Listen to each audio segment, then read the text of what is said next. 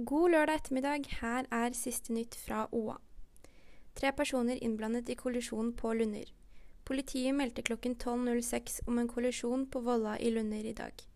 To personer er kjørt til legevakt for sjekk, og fører av den andre bilen er fraktet til Gjøvik sykehus.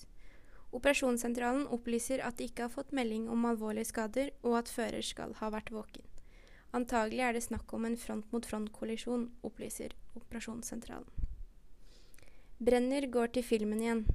Hans Olav Brenner er aktuell som en av hovedrolleinnehaverne i filmen Barn, men han gruer seg til å se resultatet. Jeg finner ingen glede, i å se meg selv på TV, sier Brenner.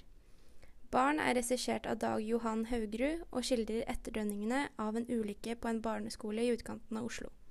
Filmen har kinopremiere 13.9.